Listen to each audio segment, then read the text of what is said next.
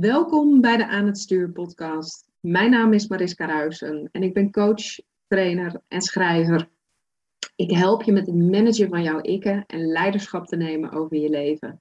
En dat gaat verder dan alleen controle krijgen over negatieve en kritische stemmetjes in je hoofd, heb ik gemerkt. Leiderschap nemen betekent in contact staan met de diepste delen in jouzelf. Je archetypes herkennen is de eerste stap. Volledige vrijheid ontstaat bij het belichamen ervan. Pas als je volledig in je lichaam bent gezakt, kun je je opnieuw verbinden met jouw innerlijk kompas. Want die weet altijd de weg. Ik wens je heel veel luisterplezier. En dank je wel dat je weer luistert naar een nieuwe episode van de Aan het Stuur podcast. En deze keer met een naamgenoot, Mariska van der Hielen. Mariska is uh, coach en uh, werkt heel erg met uh, mannen en vrouwen um, om tot een dieper bewustzijn te komen in zichzelf en weer terug te keren bij zichzelf. Daarnaast werkt ze ook specifiek met moeders, omdat het soms een hell of a job is om en een goed presterende werknemer te zijn en tegelijkertijd grip te houden op alles wat er in je gezinsleven gebeurt. Nou, ik heb het onder andere met Mariska over de enorme spiegels die kinderen kunnen zijn voor hun ouders. En wanneer je weet dat je werk te doen hebt. Uh, ik wens je heel veel luisterplezier. Wat is Welkom Mariska. En ja, luisteraars, jullie horen het goed. Uh, ik zeg welkom Mariska, want de gast van vandaag in de podcast is Mariska van der Hielen. Dus uh, ook een, uh, een naamgenoot en um, iemand die net zoals ik uit Zeeland komt. Alleen zij woont er nog en ze heeft haar praktijk daar nog. Um, nou, wij hebben net in het voorgesprek al een beetje verkend van waar kennen wij elkaar van. Uh, Zeeland is niet zo heel erg groot, maar um, nou, jij werd eigenlijk met name uh, vorige week op mijn, uh, op mijn pad gestuurd door iemand die reageerde op een post en die zei: Hey, Mariska die is op dit moment ook bezig om over dit onderwerp podcast te plaatsen. Dus um, ik denk dat jullie eens een linkje moeten leggen met elkaar. En, toen hoorde ik inderdaad ehm, eh, een podcast over ehm, ja, mannen en vrouwen. En toen dacht ik, hé, hey, de polariteiten tussen uh, het feminine en het masculine is natuurlijk ook een onderwerp wat heel erg in deze podcast past. Dus toen heb ik jou benaderd en uh, ja, nu zitten we hier, dus welkom. Ja, leuk, dankjewel. Zou jij voor de luisteraars kort eventjes kunnen vertellen wie je bent, wat je doet en um, ja, ook waarom je doet wat je doet? Want nou, je werkt heel veel met de energie en uh, dat soort dingen zijn meestal dingen die ja, niet van nature aangeboren zijn, niet iets wat je, wat je uit jezelf gaat doen. Daar gaat meestal wel het een en het ander aan vooraf. Hm. Ja, ik uh, ben een spiritueel mentor en ik werk met uh, voornamelijk moeders, maar ondertussen ook met mannen, met koppels, met een, tussen de 20 en de 70 jaar.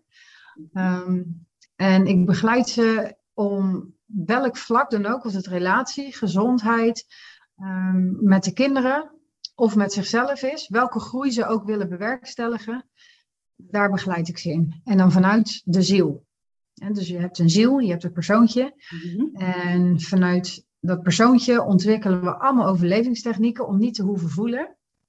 En dat zielenstuk is een en al rust en kracht. En dat is er gewoon, dat is er bij iedereen. En uh, op het moment dat je daarmee kunt gaan werken, je kunt die kracht aanzetten, je kunt hem aan gaan sturen, dan kun je ook je dagelijkse leven vanuit die kracht aan gaan sturen. Dus alles in je leven. Je kunt je kinderen eigenwaarde meegeven. Je kunt in je relatie kun je eigen ruimte pakken. En je kunt je veilig voelen. Gewoon omdat je met die ziel werkt. En waarom ik ben gaan doen wat ik doe. Uh, mijn hele leven voel ik. En uh, vroeger uh, zou ik een, een hooggevoelig kind of een ADHD-kind werden genoemd. Mm -hmm. maar ik heb een hele sterke uh, draad altijd met de natuur gehad. Daar ben ik ook altijd naartoe getrokken. Mhm. Ik heb altijd gevoeld welke richting ik op moest. Of dat nou 13 was, 25 of 38. Ik voelde altijd wat ik moest doen. En ehm, dat heb ik altijd gevolgd. En ik voel, op een gegeven moment wilde ik mijn spirituele talent ontwikkelen. Dat begon ik mee op mijn twintigste. Toen kreeg ik een relatie. Hij werd mijn leven. Vijf jaar later was dat allemaal klaar. En toen pakte ik mijn spirituele ontwikkeling weer op. En daardoor ben ik nu waar ik ben en werk ik met energie. En leer ik mensen dat ook te doen. Mm, Ja. Wat mooi. En heb Ja. je er wel eens, wel eens weerstand ook ehm, eh, van ondervonden uit de, uit de buitenwereld? Want ja, het werken met energie eh, is natuurlijk superkrachtig, super waardevol. Maar nou ja, in Zeeland hebben ze toch ook zoiets van: doe maar eh, gewoon, dan doe je al gek genoeg. Ja. Eh, dus het moet vooral niet te zweverig worden. Dus Nee. Dat is iets wat ik heel erg heb meegekregen. Ik ben benieuwd hoe dat voor jou was. Ja, op mijn twintigste, 22e werd ik echt letterlijk uitgemaakt voor zweefteef door toenmalige vriendin. Dat is geen vriendin meer. Ehm, niet daarom, maar ja, op een gegeven moment Mhm. scheiden je wegen. Ehm, nee, ik ben vrij snel gaan ownen wat ik doe en wie ik ben. Mm. En dan maakt het niet meer uit wat iemand vindt. Ehm, om, ik voelde zo sterk, dit ben ik. Dit, dit ben ik, dat heb ik te doen. Dit is wat ik moet doen. Dus ehm, er is altijd wel weerstand, maar niet. ehm, ja, dat zijn ook mensen waar ik dan bijna niet mee omga. Dus ja, daar heb ik, daar heb ik verder niks aan. Oké, oké. En, en, en je ouders bijvoorbeeld. Nou ja, ik ben wel iemand die zich heel erg laat bepalen door, door wat mijn ouders eh voelen. ja, ja. en Goedkeuring. Dus Ja. ik ook vraag. Ehm, op mijn achttiende begon ik al voor mezelf. Toen werd ik al zelfstandig ondernemer. Zo. En ook toen vonden ze het raar.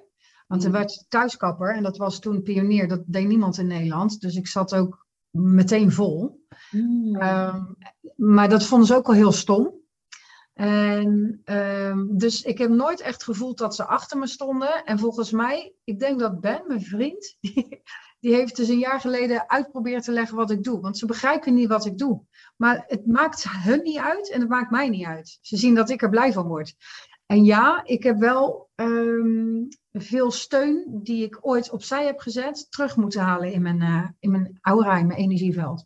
Mm. Dat is wat er dan gebeurt. Hè? Als dat niet bevestigd wordt, dan, eh, dan zet je het zelf ook maar in de ijskast. Ja. Dus dat heb ik allemaal teruggehaald in mijn energieveld. Dus ja, ik voel me gedragen. Oh, wat mooi, wat mooi. Zou je daar wat meer over kunnen vertellen voor de luisteraars? Want eh, ja, je, je vertelt het van ja, ik had het in de ijskast gezet en ik heb het weer, weer teruggehaald. En ik kan me voorstellen dat als mensen zitten te luisteren, dat ze denken, hè, maar, maar, maar hoe dan? Hoe kun je dan dingen die je parkeert ook weer, weer terughalen? Want we leren natuurlijk vooral heel erg hoe je dingen los moet laten. Eh, dat, dat is al een hell of a job aan zich. Maar Mhm. hoe haal je nou eigenlijk de juiste helpende energieën weer terug eh, in je leven? Ehm, nou, dat is een proces van jaren, daarom ook het groeitraject. Mhm. Ehm, omdat het gaat om ervaren. Dus je moet ervaren wat je kracht is. Eh, je moet ervaren wat je donkere kanten zijn. En daarmee leren werken. En wat, wat je als kind doet, zijn overlevingstechnieken opbouwen. Dus je vlucht, je vecht, je bevriest of je eh bevriend. Maar wat je in, in de basis doet, is je gevoel. En mensen noemen dat het innerlijk kind. Zelf denk ik, dat heeft niet zoveel met het innerlijk kind te maken, maar met de gevoelens die je als kind hebt vastgezet. Mhm. Dus ehm, op het moment dat er heel vaak tegen je wordt geschreeuwd en het blijft maar binnenkomen, het blijft maar binnenkomen, dus het blijft je kwetsen, op een bepaald punt besluit je, dit kwetst mij niet meer. Maar dat betekent wel dat je een stuk van jezelf opzij moet zetten, dus je veiligheid of je eigenwaarde, om dat niet meer te hoeven voelen. Je zet je overlevingsstrategie en je techniek, dus je ijzeren deur, die zet je ervoor. Mhm. Daardoor begint levensenergie zich te stagneren. Dus die begint zich vast te zetten. Nou, en dan als kind ben je altijd afhankelijk. Dus als ik als ik nu met mijn, naar mijn kinderen kijk, ik kom niet aan hun overlevingstechniek. Dus als zij weinig zelfvertrouwen hebben op een bepaald punt, Mm. dat, de relatie met mijn kinderen is echt top en het gaat ook heel goed met ze. Maar ook al zie ik dat het ergens niet goed gaat, dan ga ik heel goed uitvoelen. Wat is er nodig? Hebben zij dat overlevingssysteem nog nodig? Zo ja, blijf ik er vanaf. Mm. Want een kind is afhankelijk. Gaat hij naar zijn docent, moet hij weer doen wat hij doet. Gaat zij naar de vader, moet zij weer doen wat hij zegt. Komt ze hier, moet er toch gebeuren wat ik zeg. Dus een kind is altijd afhankelijk. Dan worden we volwassen. En op het moment dat we volwassen worden, hebben we het zelf op te pakken. En dat is het, dat is het stuk dat je je kracht op gaat bouwen. Maar dat kan alleen doordat je al die stukken achter hebt gelaten. Dus eigenwaarde opzij hebt geschoten. Kijk, als je een, in een bos loopt en er staat een beer op je weg, dan ga je niet met je aars op een meditatiekussen zitten en zitten omen. Nee, Dat ga je niet doen, want ik voel me zo veilig. Ja, die beer heeft er helemaal geen boodschap aan. Dan gaat je overlevingssysteem aan, je veiligheid zet je opzij, je voelt onveiligheid en je gaat aan. Mm. En zo is dat ook in het leven. En die veiligheid, die eigenwaarde, bestaansrecht zijn de drie pijlers waar ik mee werk. Die kun je steeds, iedere keer weer, daar kun je mee verbinden. En terughalen uit je ijskast. Mooi. Zo, ik krijg even een eh, enorme kriebel in mijn keel, dus ik probeer hem even weg te slikken. Helemaal prima. In, in het voorgesprek eh, vertelde jij van, eh, nou, je hebt nu vier jaar een vriend en je hebt ook heel erg veel geleerd over eh, de verschillen tussen, tussen man en vrouw en de dynamieken die daarin ontstaan. En dat dat nu eigenlijk ook iets is wat je ehm, ja, als, als vanzelf in je coaching integreert, omdat daar dus nu ook mensen voor op jouw pad komen. Ja, nou, ik denk dat, ja, ik denk dat de polariteiten tussen, tussen mannen en vrouwen, dat dat sowieso iets is wat, wat heel erg veel ehm, ehm, vragen oproept, eh, ook bij de luisteraars. Van ja, goh, hoe, hoe zorg ik er nou voor dat ik steeds in verbinding blijf? Zijn er eh, dingen waarvan jij het idee hebt dat dat de grootste obstakels zijn, eh, waardoor een, een relatie niet stroomt? Ja. Ik denk dat de allergrootste obstakel emotionele verstrengeling is.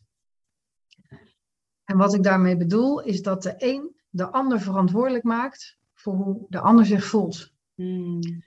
En daarmee, op het moment dat je je eigen ruimte niet pakt, hè, dus als je twee cirkeltjes hebt en je doet die cirkeltjes tegen elkaar, dan heb je allebei je eigen ruimte, maar er is, hè, net zoals in de lemniscaat, is er eigen ruimte. Maar wat er vaak gebeurt, is dat dat gat in het midden, dat gaat open. En als de een ademt, dan voelt de ander dat hij geen ruimte krijgt. Dus je zit steeds in elkaars ruimte. Wat is van mij en wat is van jou? En die emotionele verstrengeling die komt voort uit het verlangen naar eenheid. Maar dan wil je dat eigenlijk vanuit die partner halen, terwijl je Mhm. dat in jezelf hebt te halen. Daarom gaat het de eerste maanden vaak heftig en goed. En daarna zie je dat er steeds meer scheuren komen, omdat de een de behoeftes van de ander niet meer kan vervullen. Ja. En waar de oplossing zit, is, is de verantwoordelijkheid gaan nemen voor je eigen processen. Dus wat voel ik? Wat voel ik nu echt? En eh, word ik boos omdat ik een grens aangeef? Of word ik boos omdat er eigenlijk verdriet achter zit? Hmm. En is die grens nodig om dat verdriet te beschermen? Waarom word ik nu boos? En wat raakt het in mij? En zodra je die afhankelijkheid verliest, dan ben je vrij. En dan heb je dus een, een, een relatie in verbinding. En de grootste vraag die ik krijg, Mhm. is hoe krijg ik weer verbinding in mijn relatie? Nou, en dat heeft daarmee te maken. Ja, ja, dat begint met de verbinding met jezelf. Ik denk dat Exact. het ook, ook heel belangrijk is dat, dat Ja. mensen echt gaan voelen van hé, hey, maar die, die verbinding met elkaar, Ja. eh, dat, dat één worden. Ja, je zal eerst moeten erkennen dat je, dat je zelf al heel bent en, en compleet. Ja. Ehm, En beschadigd. En, eh, ja, en beschadigd natuurlijk ook. Ja, absoluut. Ehm, maar je zal wel moeten zien dat je, eh, ongeacht hoe verstrengeld je je met, met de ander bent, dat, dat alles al één is. Ja, en dat, dat zit hem in dat zielenstuk. Ja. En hoe meer we vanuit die ziel gaan leven, hoe fijner iedere verbinding die je hebt wordt. En simpeler. Het leven wordt heel simpel. dat je steeds minder nodig hebt. Ja, ja. Want, want als je, wat is jouw ervaring als je echt volledig vanuit dat zielenstuk uh, gaat, gaat leven? Het is natuurlijk heel erg de tijd waar we nu ook naartoe aan het bewegen zijn. Dat, dat we heel erg de uitnodiging voelen om veel meer vanuit dat zielstuk te, te gaan leven. Maar wat, wat, wat voel jij dan concreet als je zegt van je hebt steeds minder uh, nodig? Ja, um, ik zeg altijd van het is ook niet zo makkelijk om uit te leggen hoe bloemkool smaakt. Dat gaat om een ervaring. En dat zielenstuk is ja, zo goed als niet uit te leggen. Dat moet je ervaren. Uh, maar zoals mensen dat benoemen als ze hier bij me komen, dan noemen ze wel aarding. Uh, ze noemen gedragen voelen. Uh, ze noemen thuiskomen bij zichzelf. Mm. Ze noemen kracht. Echt, echt kracht. ze noemen zachtheid. Um, dus ja, het is zo mooi en zo concreet. Alleen ja, dat is wel iets wat je hebt te ervaren. Mm. Maar ik denk dat veel mensen misschien al wel begrijpen wat ik hiermee bedoel. Een, een, een, een deel zeker. Uh, en ik denk dat er ook een, een deel van de luisteraars is die denkt van, uh, ja, maar eh, hoe, hoe pak ik uh, dat dan? hoe, hoe doe ik dat? Want ja, ja, het is inderdaad best wel een lastig concept natuurlijk om dat ehm, ja, in woorden te vatten. Ja, ja, ja, het is echt een ervaring. En dat kan je niet met je hoofd. Ja, dat, dat gaat niet met het hoofd. Nee. Het gaat het hoofd voorbij. Dat is het mooie. Ja. En het hoofd is ook zo beperkt. En die ziel die zit vol met oneindige mogelijkheden. En alles. En dat hoofd is een controlekamer. En onze energie gaat vaak omhoog. Terwijl we juist met die energie naar beneden moeten. Mm. Dat kun je dus allemaal leren sturen. Ja. Waardoor je dus ook in crisismomenten. Ik had vandaag nog een sessie met iemand en zij zei: Ik kan in, in momenten van crisis, dus met mijn zoontje, kan ik dus die rust bewaren. Ze dat is goud waard. Ja, zeker. Maar dan is ze in rust met zichzelf. En dan mhm. weet ze niet, want wat moet je nou met rust? Veel mensen willen rust, dan mhm. hebben ze rust. Wat moet je daar nou mee? Dat is, hilarisch. Moet je ja. nou maar rust. Al die jaren gejaagd en adrenaline gedreven gedrag. En dan uh, heb je ineens rust. Moet je daar nou mee? Ja, maar ja, dat is natuurlijk ook het, het afleren van bepaalde gewoontes. Want ja, we zijn gewend dat we voortdurend aan moeten staan, dat we moeten jagen, dat we, dat we door moeten blijven gaan. Dus um, ja, op zich ook wel logisch dat op het moment dat je dan nu andere ervaringen gaat opdoen, dat dat ook, ook letterlijk af en toe een, een mindfuck kan zijn. Ja. Als, ik, als ik naar mezelf kijk bijvoorbeeld, als het gaat over voelen. Nou, mhm. ik dacht toch dat ik de afgelopen vier jaar ehm, eh, door al het werken met klanten en, en alle opleidingen die ik zelf heb gedaan, dat ik echt wel wist uh, wat voelen was. Mm met de pil. En ik er dus achter kwam dat die pil eigenlijk ook wel gewoon een, een soort van antidepressivum is. Dat, dat alles gewoon wordt afgevlakt.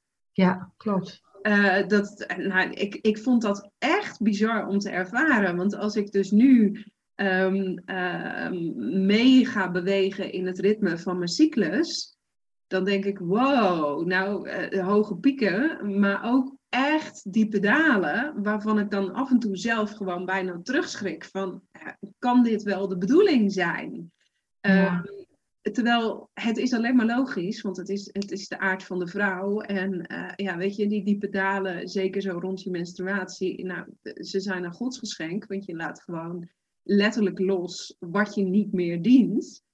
Mhm. Maar de eerste keren uh, heb ik af en toe echt wel eens, terwijl ik 100% zeker wist van nou, ik, ik wil nooit meer terug naar die anticonceptie, want het is gewoon ronduit vergif. Ja, ik heb nog steeds een strip in mijn badkamer laten liggen. En af en toe dan kijk ik er nog steeds naar dat ik denk, ja, maar het was ook wel makkelijk. Het hmm. was wel overzichtelijk. Ja. Um, terwijl ik weet dit, dit is niet meer wat mij past. Dit is niet meer wat me dient. En, en toch komt dat af en toe naar boven toe. Dus ja, wat jij vertelt over je klant die dan zegt van ja, jeetje, nou heb ik de rust, maar oh help, wat moet ik ermee? Ik denk dat het, ja, dat het gewoon ook letterlijk af en toe je, je systeem is. Uh, die, die de groei die je doormaakt nog niet helemaal kan bijhouden. Die nog niet helemaal snapt van, oh, is dit dan daadwerkelijk de bedoeling of zo? Nou, dat persoontje is altijd bezig met overleven. En die controlekamer, die wil niet loslaten wat hij kent. Ja. Dus het is en blijft essentieel om die veiligheid te blijven genereren. En we kunnen alles creëren wat we willen, dus ook negatieve gevoelens. En het vraagt heel veel bewustzijn, waardoor je gevoeligheid gaat groeien, waardoor je heel makkelijk kunt gaan aansturen. Want als je Ehm, als je met die ziel gaat werken, daar zit zoveel fijngevoeligheid in. Je hebt eerst de concrete lagen en daarna komen de subtiele lagen. Hmm. En dat zijn de, de, de soort sluipmoordenaartjes die ineens zo binnenkomen van onmacht, hè, die je dan oppikt van een ander of die je zelf uit je auraveld uh, trekt. Ehm, dus ja, het zijn toch wel allemaal. Ehm, het, is, het is een beleving en een ervaring van fijngevoeliger worden. Ja. En dus niet meer dat bewustzijn loslaten. Op het moment dat je het bewustzijn loslaat, dan kom je in die oude patronen terecht. Kijk, er zijn ook monniken die uh, op hun zevende al monnik zijn en helemaal zen. Die hebben het volgende probleem, die moeten dat persoontje op gaan bouwen. Dus ik ken zo'n monnik, die is getrouwd, die is uit het klooster gekomen, die is getrouwd. Mm Vervolgens komt hij in een gezin terecht en dan zegt hij, ja, dan moet ik naar de verhalen gaan luisteren van mijn vrouw die op een weekend weg is geweest met shoppen. Terwijl zijn hoofd helemaal in de bezinning en in de spiritualiteit hangt. En dus hij ervaart nu allemaal weerstand en afwijzing en afkeuring en veroordelingen. Dan moet je het dus op die manier op gaan bouwen. Dus hoe dan ook heb je als mens die ervaringen van overleven op te bouwen. En uh, dat bewustzijn is essentieel om die patronen te kunnen doorbreken, anders kun je ze niet doorbreken. Dan kun je daar wel drie dagen op affirmeren. Maar dat zijn allemaal trucjes. Die ziel werkt niet met trucjes. Die, doen ding, die doet dingen op uitnodiging. Niet op trucjes of manipulatie. Nee, nee. mooi. Hmm. Dan kan ik me ook voorstellen dat dat, dat stukje van steeds fijngevoeliger worden, uh, uh, wat natuurlijk fantastisch is, want daardoor krijg je ook steeds meer verdieping, maar dat dat ook iets is wat, wat kan afschrikken. Want nou, er is op dit moment natuurlijk in de wereld wel heel veel. Um, wat je als je steeds gevoeliger wordt, uh, ook op kan pikken, wat, wat gewoon helemaal niet van jou is en, en wat niet bij je hoort. Dus wat je dan nog eens extra uit balans kan brengen. Um, wat, wat, wat zou jouw tip zijn om daarmee om te gaan? Um, het brengt je alleen uit balans als er aan de andere kant van de weegschaal weinig veiligheid zit. Dus mensen die ehm, bijvoorbeeld HSP, mhm. voor mij is dat een ander woord voor onveiligheid. Er zit zoveel onveiligheid emotioneel, mhm. waardoor je altijd aanstaat. En dus altijd bezig bent met die buitenwereld. Dus uh, ja, mijn simpele praktische tip is bouw veiligheid op. Hoe je dat doet, dat is weer ervaren. Mhm. Um, ik denk dat iedereen wel eens een keer heeft ervaren dat hij uh, zoveel rust had, een kopje thee op de bank, onder het dekentje en helemaal fijn voelde. Helemaal rust, um, helemaal veilig. En dat is het gevoel van veiligheid en dat moet opbouwen. Ja. Dus die fijngevoeligheid, als dat zonder tegelijkertijd het opbouwen van kracht gaat, dan wordt het steeds spannender, waardoor je weer terugtrekt en afsluit. Dus het, het is essentieel dat die twee tegelijkertijd worden opgebouwd. Want anders word je fijngevoeliger, maar klap je weer net zo hard dicht of je stapelt weer op. En dat zie ik ook bij veel bij mijn klanten, dat ze ja. uh, opstapelen. Dan zeg ik, oh, en hoe gaat het met mediteren? Hoe gaat het met uh, het bewustzijn? Hoe gaat het met het bewustzijn in het handelen? Hè? Dus gewoon dat je de afwas doet terwijl je uh, voelt. Mm -hmm. um, ja, oké, okay. dat moet nog eventjes geïmplementeerd worden. ja, ja. Ja, in feite gaat het natuurlijk ook heel erg, um, als, je, als je wil gaan werken met bewustzijn, over heel veel dingen ontleren.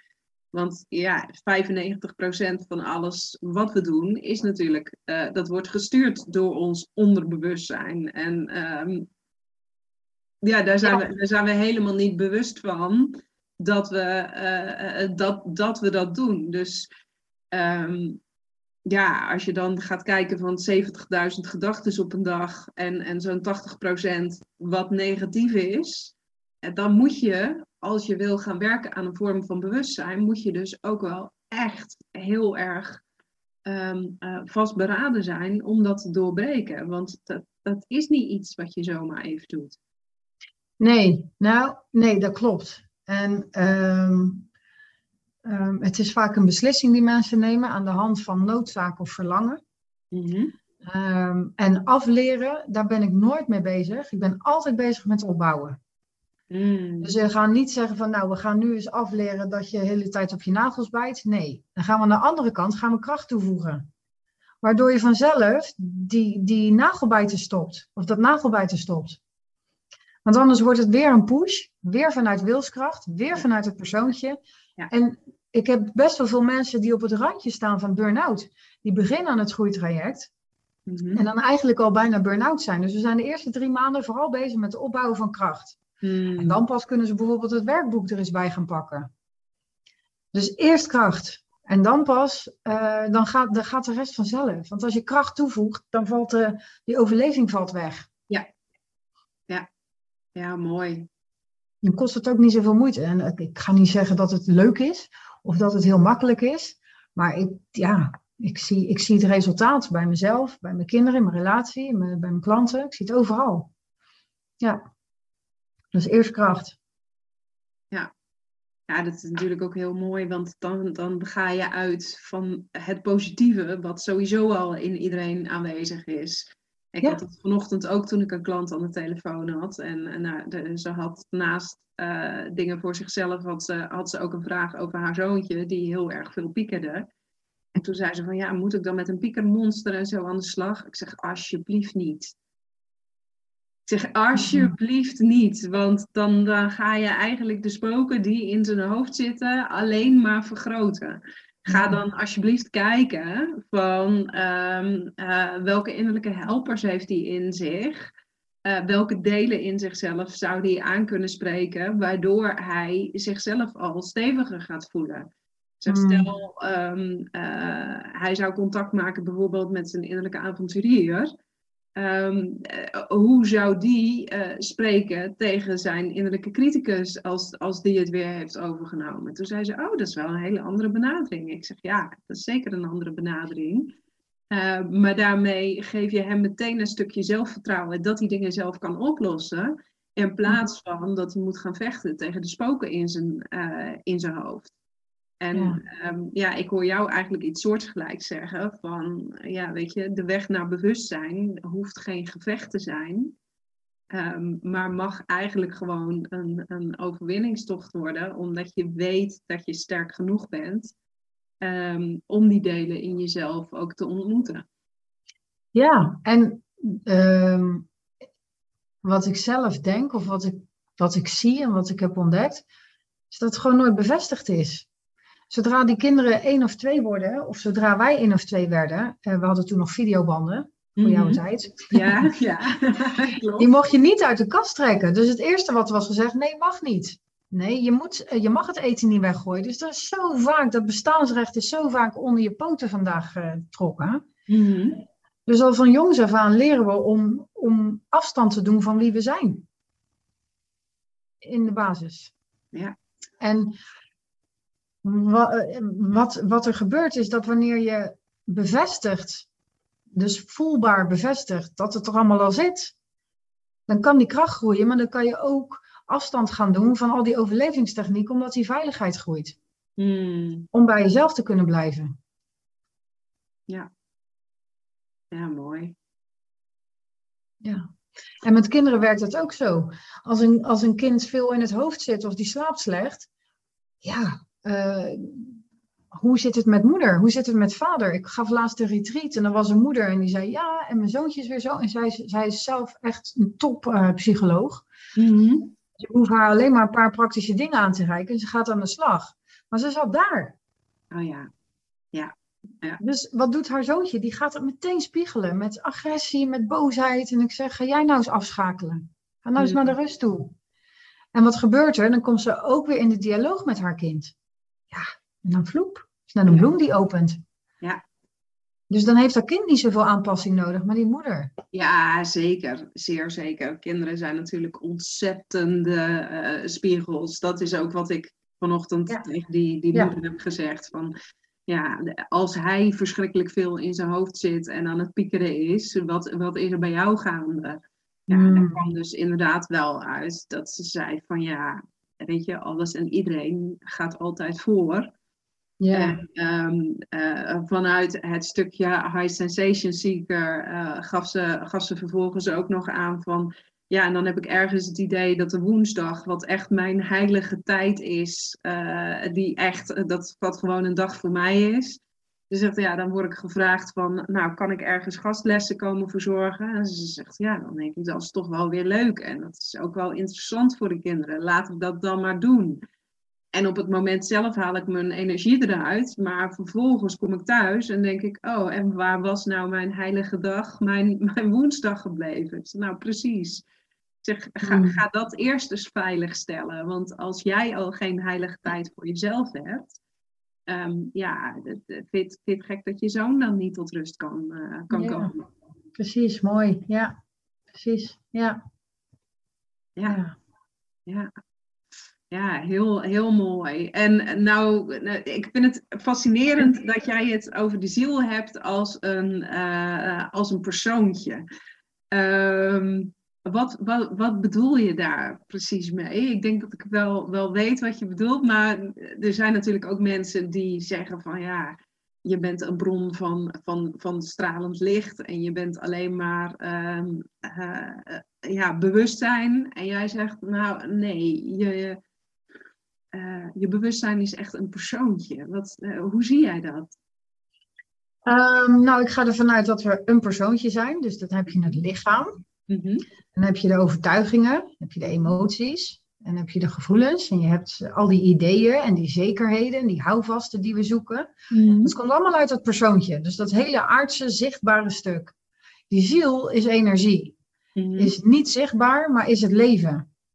En dat zit in jou, dat zit in mij, dat zit in een boom en dat zit in een plant en in een dier. En alles wat leeft. En alles is aangesloten op één bron. En vanuit ons hogere zelf, dus dat, dat, is, dat is dat stukje, eh, die ziel, die omvat eigenlijk al onze kracht. En dat hogere, die hogere zelf, die omvat alle wijsheid. En daar kun je dan ook weer eh, contact mee maken.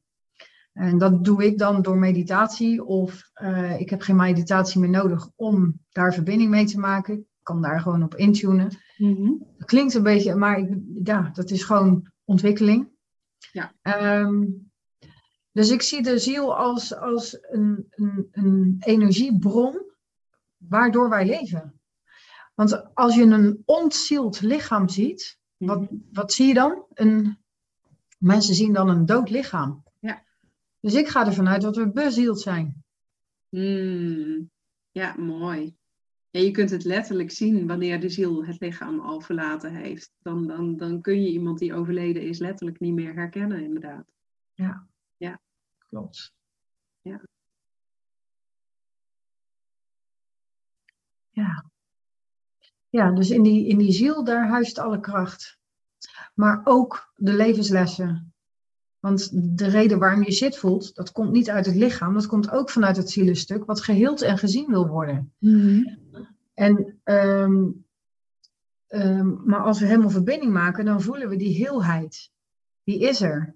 Mhm. toch klappen we er iedere keer uit. Dat is niet voor niks.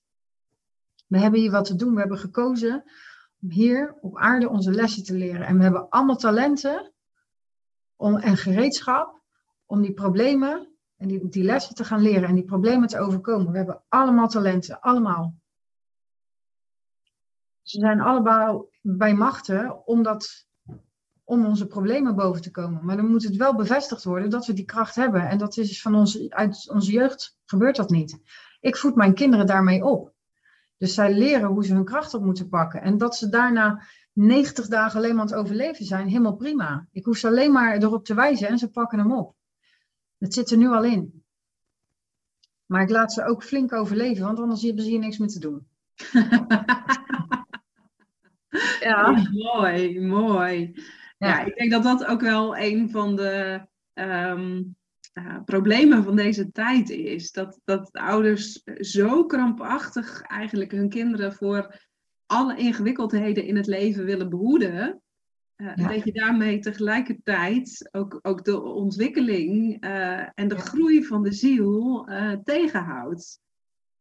Ja, die ziel die groeit, dat, de groei, je, je groeit of je bent dood. Dus je groeit altijd. Mhm. Ik weet niet of je het tegenhoudt, want je creëert andere problemen die waarschijnlijk ook weer op je pad horen. Mhm. dus al die curling-ouders, hè, dus die zeg maar de baan weg. Eh, dat zijn kinderen die heel veel angsten ontwikkelen en heel weinig zekerheid uit zichzelf kunnen halen. Ja. Dus het worden allemaal adrenaline-junkies die overal bevestiging zoeken. Dat is hun les, dat is hun padje. Alleen als, als een ouder, of het nou de vader is of de moeder, als ze hun lessen oppakken aan de hand van de spiegel van hun kind, dan kan ik er bijna, en je hebt nog jonge kinderen, dan kan ik er bijna 100% garantie op geven dat je in de puberteit de band hebt waar je naar, altijd naar hebt verlangd. De rest van je leven. Ik kreeg een berichtje van een vrouw, die is uh, twee jaar geleden begonnen met groeitraject. En zij stuurde mij van een week een berichtje van het weekend, Mariska, het is echt, ik heb na twintig jaar heb ik een gesprek met mijn kind. Na twintig jaar. Dat kind is op zijn tiende gesloten en op zijn dertigste opent hij nu naar mij. Gewoon omdat ik zoveel innerlijk werk heb gedaan. En daar hoef je niet twintig jaar mee te wachten. Maar voor de een is het op zijn twintigste en de ander op zijn dertigste. En de ander als ze vijftig is. Ja. Maar ik, ik, ik zweer erbij dat als je je eigen proces oppakt en je hebt kinderen, dat je gegarandeerd een betere relatie krijgt met je kind. Ja, en, en in je werk, promotie. Er zijn ook mensen, heel veel mensen die promotie ervaren. Er zijn ook heel veel mensen die een relatie krijgen, die zich weer open durven stellen, omdat ze zo bij zichzelf kunnen blijven. Ja. Uh, mensen die dachten, ik voel niks meer voor mijn partner en na de energiedag in één keer weer zoveel voelen. Ze denken, oh, zijn er ook die juist niks meer voelen en de relatie verbreken? Ja, ik heb dat niet voor het zeggen. Dan is dat ook helder, hè? Want exact. liever dat het duidelijk wordt als dat je jarenlang in zo'n zone van niemandsland uh, blijft hangen. Van is het nou wel, is het nu niet? En nou ja, dat je ook aan heel veel hoop blijft vasthouden. Van ja, maar als dit of dat verandert, dan komt het wel goed. Uh, ja. Dat is zo'n mindfuck waar ik heel lang heb ingezeten. Terwijl iedereen eigenlijk al zei van ja, weet je, het is klaar. En hoe harder iedereen zei het is klaar, hoe meer ik zoiets had van ja, maar ik zal wel bewijzen dat het niet zo is. Ja was zo die energie aan het, ah, aan Zoveel mannen, ja. Zoveel... Ja, ja, heel mannelijk doorduwen. Uh, Wel mooi. Het willen bewijzen. Ja. Nou ja, ik zeg, het is mooi. Ehm, die mannelijke energie, die zullen we echt moeten gaan omarmen. En niet uh, af willen straffen omdat we helemaal vrouwelijke energie willen belichamen. Maar het is juist die man die zo duidelijk die grenzen kan belichamen. Mm. En net zoals dat wij als vrouw zoveel collectief eeuwen zijn onderdrukt en op alle lagen zijn ook mannen dat. En zij hebben er ook last van. Het enige is dat zij ehm, uh, nooit door een vrouw zijn onderdrukt. Dus zij hebben die strijd anders. Zij denken nog steeds dat ze die controle kunnen pakken. Dat doen ze vanuit het hoofd. Mhm. dus dat is, voor die vrouw is dat weer een strijd tegen die man. Maar om die heelheid weer te kunnen voelen, heb je een man nodig om via die man die stukken van jezelf terug te halen. Je gaat niet in je eentje de eigenwaarde terug kunnen halen die je ooit bij een man hebt achtergelaten. Of dat nou dit leven is of een vorig leven. Mhm.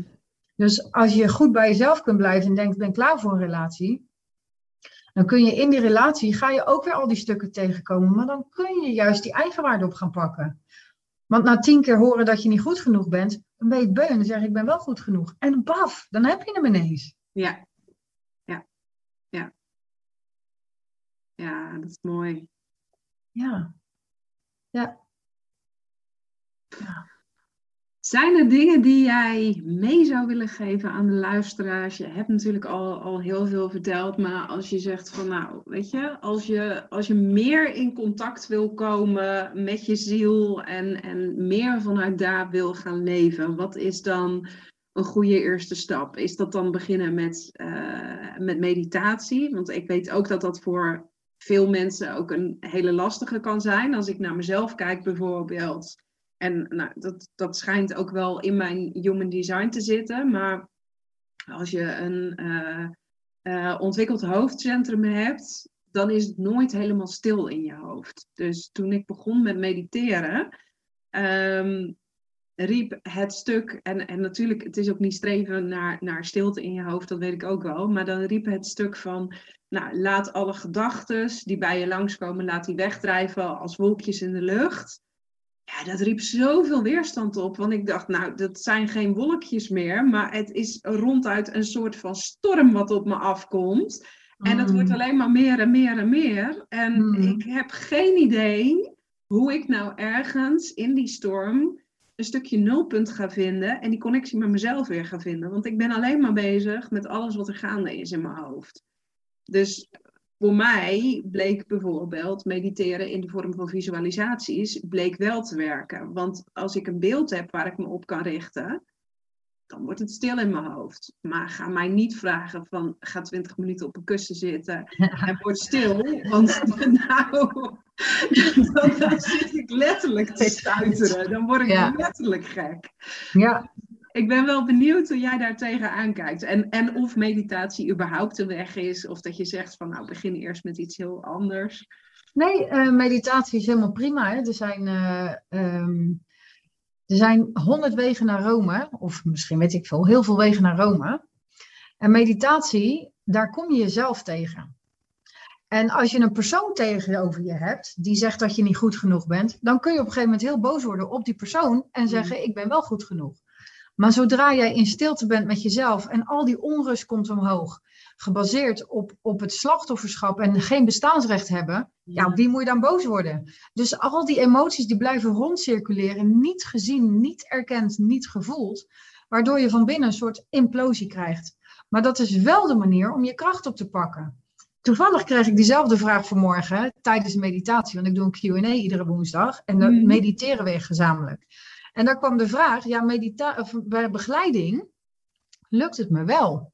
Hmm. En waarop ik zei van uh, de kracht mag vanuit binnen gaan komen. Nu wordt die nog van extern gehaald. Wat je hebt te doen is dat stiltepunt in jezelf te pakken, daar naartoe te gaan en te gaan luisteren. Heel geduldig te gaan luisteren naar wat je ziel je te vertellen heeft. Je hoeft alleen maar te luisteren. Alleen maar te luisteren. Je hoeft verder niks te doen. Alleen maar luisteren. En weet je, dan doe je er tien weken over, iedere dag tien minuten, hmm. om dat op te pakken. Maar dat hoeft ook niet in één keer. Als jij zoveel onrust tegenkomt, dan betekent dat er nog zoveel onveiligheid zit. Dus dan is het niet fijn om met jezelf te zijn. Dan wil je juist weg van jezelf. Nou, dat is ook wat dat kussentje, nou ja, het kussentje doet het niet, maar je billen willen er van weg. Mhm, mhm. Ehm, dus dan is het, uiteindelijk gaat het erom dat we het onszelf gaan gunnen om die veiligheid op te bouwen, want dat is basis. Als je je niet veilig voelt, ga je ook niet. Dat is hetzelfde als mensen die heroïne gebruiken, die, die doen ze ook niet cold turkey weg, geven ze metadon. Dat is een hele rare vergelijking, maar ik vind het altijd een hele goeie. Die mhm. snapt iedereen. Mhm. Dus je hebt eerst die veiligheid. En soms, via die meditatie, kun je die veiligheid pakken. Want er komt een punt, je maar gewoon lang genoeg blijft zitten, dat er in één keer zo baf, die, die kalmte komt. En dan kom je in dat kalme meer terecht. Ehm, en buitenom meditatie, als het je, um, het is echt, ik adviseer het iedere klant, ga mhm. Mhm. Ga luisteren, ga er niks doen, geen begeleiding. Uh, en dat is ook prima als je voor het slapen je begeleiding pakt of whatever. Maar als je mediteert, pak dan geen begeleiding. Ga dan gewoon die stilte in en ga luisteren. Je, je hoeft niks te doen. Je hoeft, je hoeft, het niet te veroordelen, je hoeft geen mening te vormen. Je wordt een observator van, van je systeem, waardoor je gaat luisteren. En de allereerste stap om die verbinding met jezelf te maken is veiligheid. Dat je je veilig gaat voelen bij en met jezelf. Mm. En hoe, ja, ik zeg altijd, die kracht zit in je rugkant, energetisch. Niet aan die voorkant, want we zeggen allemaal gaan we naar die onderbuik. Nee, we gaan naar de onderrug. Mhm. Daar zit je kracht, daar zit veiligheid. En daar kun je verbinding mee maken. En dat noem ik dan altijd zakken. Dat is een heel klein onderdeel van het totaal. Ja, Ja. Maar wel een goed begin. mooi. Heel mooi. Als mensen meer over jou willen weten, omdat ze denken, hé, hey, nou die weg naar bewustzijn, dat, ehm, ja, daar wil ik gewoon meer over weten. Wat is dan de makkelijkste weg om jou te gaan volgen? Is dat via Instagram of is dat juist via je site? Eh, nee, Instagram is eh, helemaal prima. Gewoon Mariska van der Hielen. En dan daar kun je ook altijd doorlinken naar mijn site. Ah ja, Kun je ook een WhatsApp berichtje sturen. Dus ehm, ja, nee, Instagram ben ik bijna dagelijks te vinden in mijn stories. Mijn posts, die verwaarloos ik nog wel eens. herkenbaar. ja, ja. maar mijn stories, dat vind ik leuk. Ik vind het leuk om mensen te laten zien eh, hoe ik eet en wat ik doe. En een beetje inspiratie delen en ze te empoweren. Dus eh, nee, daar kunnen ze me volgen. Oké. Leuk. Ja, ik zag dat jij eh, heel actief bezig bent met, met bleekselderijsap. Wat Ja. Dapper, want Ja, dat is gedaan, maar oeh, het is wel een dingetje hoor.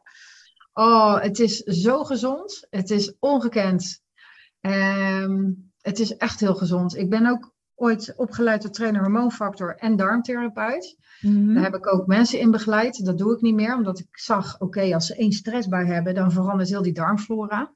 Mhm. Dus we gaan gewoon weer lekker op dat energetische stuk zitten.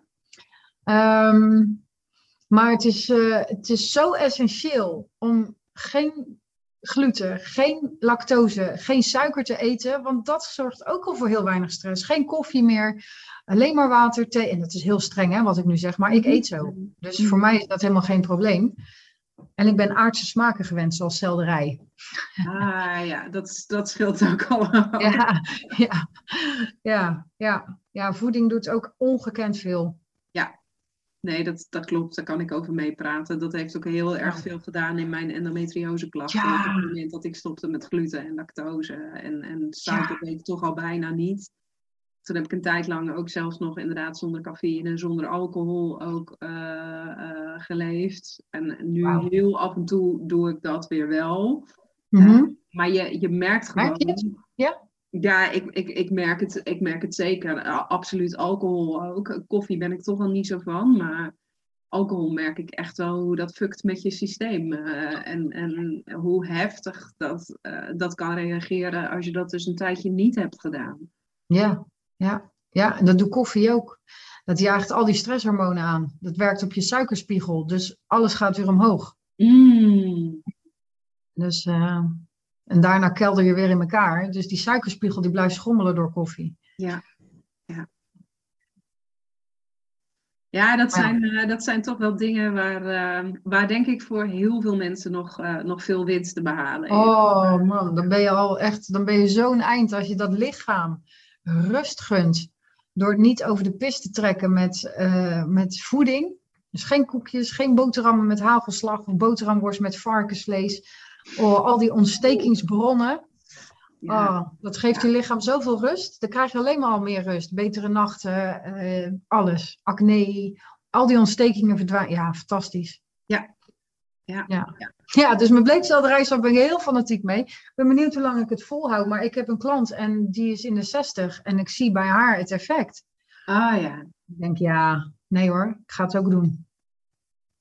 Knap. Want ja, ik, heb het, eh, ik ben er wel ooit mee begonnen, maar ik merkte toch ook dat het ieder glas ehm, ja, toch, toch, toch wel tegen het kokhals aan zat. Dus Ja. ehm, ja, ik, Heb het niet, eh, lang- ik heb het niet langer dan een week volgehouden. En Nee, ergens oh. denk ik van, ja, het is heel jammer, want ik weet inderdaad eh, wat het voor je kan doen. Maar ja, dat, dat ging me toch net nog een paar stappen te ver. Ja, ik snap het. Ja, nee, dan kan je beter gewoon een appel eten. ja. Er zitten ook vitamintjes in, hè? Er zitten ook vitamintjes in. Ja, absoluut. absoluut. Nou, Ja. dankjewel voor het, eh, Jij het gesprek. En ehm, ja. nou, de- ik zeg het aan het einde van iedere aflevering. Maar eh, ja, mocht je dit geluisterd hebben en denken van, nou hé, hey, er komen nog heel erg veel vragen op, of het heeft me geïnspireerd, tag Mariska en mij dan vooral uh, in je stories of op andere socials. En uh, ja, voel je ook vrij om in onze DM's uh, te sliden op het moment dat er nog vragen zijn. Ik neem aan dat dat bij jou ook geen, geen probleem zal zijn. Geen probleem, nee. Nee, lief. Hartstikke bedankt. Echt heel fijn. Je bent een fijne interviewer. Nou, dankjewel. Graag gedaan. En ja, leuk om zo nader kennis te maken. Ja, ja, vond ik ook. En tof dat je weer luisterde naar een nieuwe episode van de Aan het Stuur podcast. Zoals ik al zei, vond je de aflevering interessant? Tag mij en Mariska dan eventjes op social media of slide in onze DM's als je ergens vragen over hebt. En um, als je meer wilt weten over uh, hoe werkt dat nou precies, dat volledig belichamen, dat volledig doorvoelen van alles wat er te voelen valt, dan heb ik een hele toffe weggever voor je. Um, de Inner Journey, een gratis audioreis die je terugbrengt naar de diepste delen in jouzelf, waarmee je kunt connecten, waar ook een prachtig werkboek bij zit. Deze kun je gratis downloaden via mijn site, net zoals het aan het stuurboek. Dus ik zou zeggen, aarzel niet en uh, meld je daarvoor aan. Ik zie je heel graag weer in een nieuwe episode.